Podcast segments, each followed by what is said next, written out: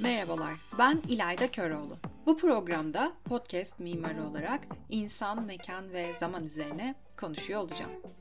Flanör kimdir, nedir, ne yapar ve ne yaptığı bizi neden ilgilendirir? Bu kavramı ilk kez duyanlar daha önce kulağına çalınanlar veya hali hazırda bilenler de olabilir. Ben bu bölümde hepsini konuşacağım. Mevzuyu yine en sonunda mutlaka mekanı ve tasarıma bağlayacağız. Merak etmeyin. Hazır bir önceki bölümde Paris'in kentsel dönüşümünden 19. yüzyıl Paris'inden falan bahsetmişken Paris sokaklarından doğmuş bu karaktere flanör kişisine de değinmek güzel olur diye düşündüm. Şimdi flanör nedir? Orijinal tanımına göre gezgin, aylak, avare anlamına geliyor. Esasında kavram 19. yüzyıl Paris yazınından türemiş. O dönemde özellikle serbest zamanı ve kentte dolaşmaya vakti olan amaçsızca gezinen kişi olarak edebiyat, sosyoloji, felsefe literatürlerine girmiş ve bu kişinin yani flanör olarak tanımlanan kişinin kentte aktif rol oynamadığı, bir yerden bir yere yetişmeye çalışmadığı da açık bir şekilde söylenebilir. Bunun yerine kendileri insanları izler, gözlemler, takılır, gezinir. Tabii dahasını da yapabilir, yapar. Oraya da geleceğiz birazdan. Ee, şimdi biraz daha tarihinden ortaya çıkışından bahsetmek istiyorum açıkçası. Kavramın ilk kez kullanıldığı yazılı metin 1854 Fransız yazar Charles Baudelaire. Kavramsallaştıran kişi de aynı zamanda Paris Sıkıntısı isimli eserinde bugünkü anlamıyla kullanmış kendisi. E, müzmin, aylak ve kentli avare adam anlamında yer edilmiş metinde. Kelimenin asıl kökünün Hint-Avrupa dil ailesinden gelen pele olduğuna inanılıyor ve pele de şu anlamlara geliyor. Çokluk, yayılmak ve düzlük. yani dümdüz gidiyor işte kentte yayılıyor. Ee, belki böyle düşünmüşlerdir yazarlar. Bilemeyeceğim artık. Şimdi bu gezen insana neden turist denmiyor? diye sorarsanız da şöyle ki turist belli bir amaçla seyahat eder. Flanörse amaçsızca yürür. Yani o yüzden aylak veya avaredir. Nişanyan sözlükteki açıklaması da şöyle. Aylaklık ve hedonizmi yaşam tarzı haline getiren kişi. Yani Benjamin, Walter Benjamin'den alıntı yapılmış. Ama bu yetersiz de bir açıklama. Dahası da var. İnsanın aklına şu soru geliyor. Peki normal bir ağzını açıp gezen insandan farkı nedir? Ya onu da yine Walter Benjamin güzel açıklıyor aslında. Benjamin'e göre flanörü kentin sokaklarında yürüyen diğer tiplerden ayıran en önemli özellik kalabalıkların içinden yaratıcı bir ürünle çıkabilmesidir. Yani kalabalık ve kaotik şehir yaşamı bu yeni karakter tipini e, ve yeni kavramı ortaya çıkarmıştır. Edebiyat ve felsefe dünyasının gündemini de bu şekilde meşgul eder zaten. E, bu arada Flanör'ün modern yaşamın araştırmacısı olduğunu söyleyenler de var. Yine Walter Benjamin'e göre, bu arada Benjamin'i tanıtmadım ama kendisi bir kültür tarihçisi, estetik kuramcısı ve edebiyat eleştirmeni aynı zamanda. Her neyse kendisi Flanör'ün tüketici kapitalizminin zaferiyle ortadan kalktığını da söylüyor. Diyor ki özgür irade ve bireysel sorumluluk ortadan kalktığında flanör de yaratıcılığını ve keşfetme arzusunu kaybeder. Böylece kalabalığın bir parçası haline gelerek bir aylığa dönüşür. Yani Benjamin Flanör'ün bir aylığa dönüşme sınırını bu şekilde çizmiş. Yalnızca bir aylığa dönüşmesini ben şöyle yorumluyorum. Şimdi tüketici kapitalizmi tüketime sürükleyen bir itici güç olarak düşünürsek yani insanları tüketime çeken bir güç olarak düşünürsek malum tüketim kültürü artık yalnızca masum vitrinlerden oluşmuyor. İnsanı çağırıyor da aynı zamanda. Dahası reklam sektörü de özellikle 20. yüzyıla doğru epey değer ve önem kazanacak. Gerçi bu ayrı şu an konu değil ama böylece kentte dolanan insan artık gözlemleme ve keşfetme arzusuyla gezinmek yerine tüketime itildiği bir kurgunun parçası oluyor. Artık kentte gözlemci kalmak, yaşananlara bir adım geriden bakmak zor hale geliyor tabii. Bu zorluğa rağmen flanör gözlemleme ve keşfetme arzusundan vazgeçmiyorsa bu figürün hakkını verecektir diye düşünüyorum. O zaman şunu söyleyebiliriz. Flanörün aylaklığı bilinçli bir kayıtsızlık, varoluşsal bir seçim ve hayat tarzıdır. Sanki hayatın onu sürüklemesine izin vermezken kenti ve kent hayatını bir adım geriden seyretmesinin yanında aynı zamanda çoğunluğun izlediği yoldan farklı bir dolaşımada kendisini bırakıyor gibi duruyor. Bu çerçeveden bakınca 19. yüzyılı göz önüne almayı da unutmuyoruz. E, flanör tipi kalabalıklaşan şehir yaşamında kendine yer bulan bir kişilik aslında. O şehrin kalabalığı içinde gezinirken sanki kalabalıktan doğrudan etkilenmek istemeyen biri gibi. Kentin hem içinde hem de dışında adeta. E, dolayısıyla şunu söyleyebiliriz. Flanör kalabalıktan beslenir ama aynı zamanda da yalnızdır. Kendi başınadır. Bu bir çelişki gibi görünüyor. Evet.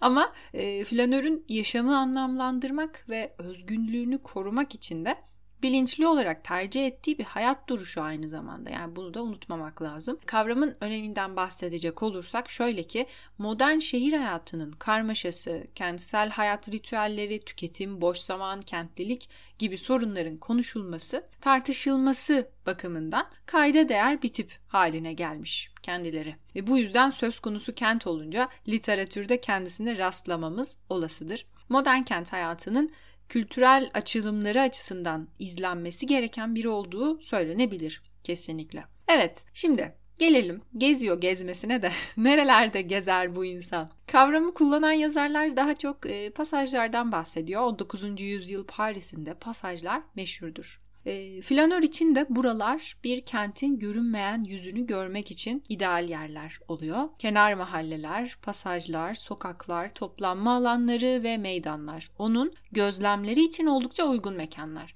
Flanör pasajlarda ve şehrin nefes alan mekanları olan caddelerde gezerken hayata ve olaylara hiçbir şekilde müdahale etmeyip sıkı da bir izleyici moduna giriyor. En çok da Paris ve Londra'da bir edebi kimlik olarak işlendiğini görüyoruz. Bu şehirlerden de anlaşılacağı üzere Paris, Londra özellikle büyük şehrin kaosu ve bireyi sistem içinde ezmesi flanör için adeta beslenme kaynağı halini alıyor. Sonuçta onun tüm gözlemleri ve kendini anlamlandırma gayreti bu mesafeli ve paradoksal manzarada yatıyor. Yani hem mesafeli bakışı hem de durumun paradoksal olması.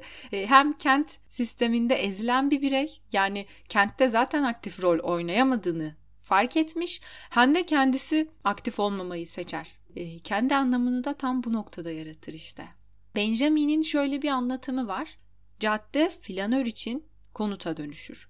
Bina cepheleri arasında kendini evindeymiş gibi duyumsar. Onun gözünde parlak firma tabelaları aşağı yukarı bir burjuva salonundaki yağlı boya tablosu gibi bir duvar süsüdür. Duvarlar not defterine dayadığı yazı masasıdır. Gazete kulübeleri, kitaplıklarıdır. Kafelerin balkonları da işini bitirdikten sonra eğilip sokağa baktığı cumbalardır. Bakar mısın? Şimdi adeta öznenin tutumunun, davranışının mekanın ruhunu nasıl da değiştirebildiğini görüyoruz bu satırlarda.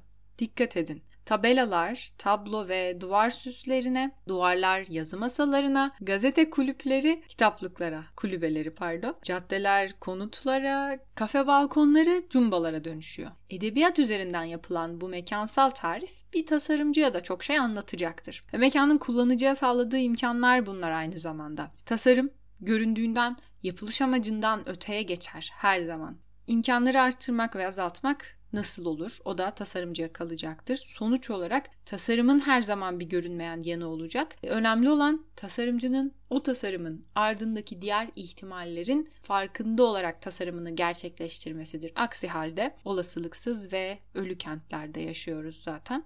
Bütün bunları toparlayacak olursak flanör modernite ile oluşum sürecine girmiş sosyal bir tip. Tüketim toplumunun da tam ortasında konumlandırılıyor özellikle o dönemde belki hala. Cadde, sokak, bulvar, pasaj, vitrin gibi mekanların ortasında, kıyısında, içinde ve kalabalıkların dışında geziniyor. Bu mekanlardaki nesnelerle ve insanlarla sürekli iletişim halinde kendisi. Yani hem içeride hem dışarıda gibi biraz arafta bir figür yani. Bu figürün ortaya çıkışında ise 19. yüzyıl endüstrileşmenin kenti olan etkisi gelişen Paris ve Londra gibi kentleri görüyoruz. Özellikle Paris kenti flanöre kentle ilgili daha önce eşi benzeri görülmemiş tecrübeler ve imkanlar sunuyor. Yani 19. yüzyıldayız. Daha önce böyle bir mekan yok. O kentlerin artık iyice kalabalıklaştığı, kaosa dönüştüğü önceki bölümde de az çok bahsettik. Şimdi az önce tasarımın sağladığı olasılıklardan söz etmiştik. Benim bu yayında cevabını veremeyeceğim ama aranabilecek bir soru şu olabilir. Paris o dönemde ne gibi olasılıklar, nasıl imkanlar ve deneyimler sunuyor olabilir ki bu figür orada ortaya çıkmış. Geçen bölüm e, belki bu soruya cevap ararken yardımcı olabilir. Orası sizlere, dinleyicilere kalmış. Elbette söz konusu birey, kent, toplum, tasarım olunca da sonsuzda cevap bulunabilir. Evet, son olarak bir yüksek lisans dersinde hazırladığım bir ödevden kısa bir bölüm okuyacağım. Açıkçası hazırladığım ödevleri gözden geçirirken denk geldim geçen gün. Kendi kent deneyimimden bahsettiğim bir serbest yazıydı. Kentte böyle gezinen bir figürü konuştuk madem. Kapanış olarak ben de kendi paragrafımı okumak istiyorum. Kent insana her daim gösterir. Önce ötekini, sonra kendini ve diğerlerini. Hepsini tek tek bir büyük gösteriye çevirir aniden izliyor bulur insan kendini. Her dahil olduğu olayda etrafına bakarken. İnsan birden dinliyor bulur kendini, şahit olduklarını anlatırken. Bir an için sahneye çıkmışken aniden seyirci olabilir. Dilediği insana dönüşebilir ve ben dediği kişiyle bir başkasıymış gibi tanışabilir. Böylece geçilip gidilir kentten, tanışarak, barışarak, yarışarak. Ancak her gidişte insan kendine bir adım daha yaklaşır. Ne de olsa dünya yuvarlaktır. Öyleyse sonraki bölümde görüşmek üzere. Kendinize iyi bakın, takipte ve hoşça kalın.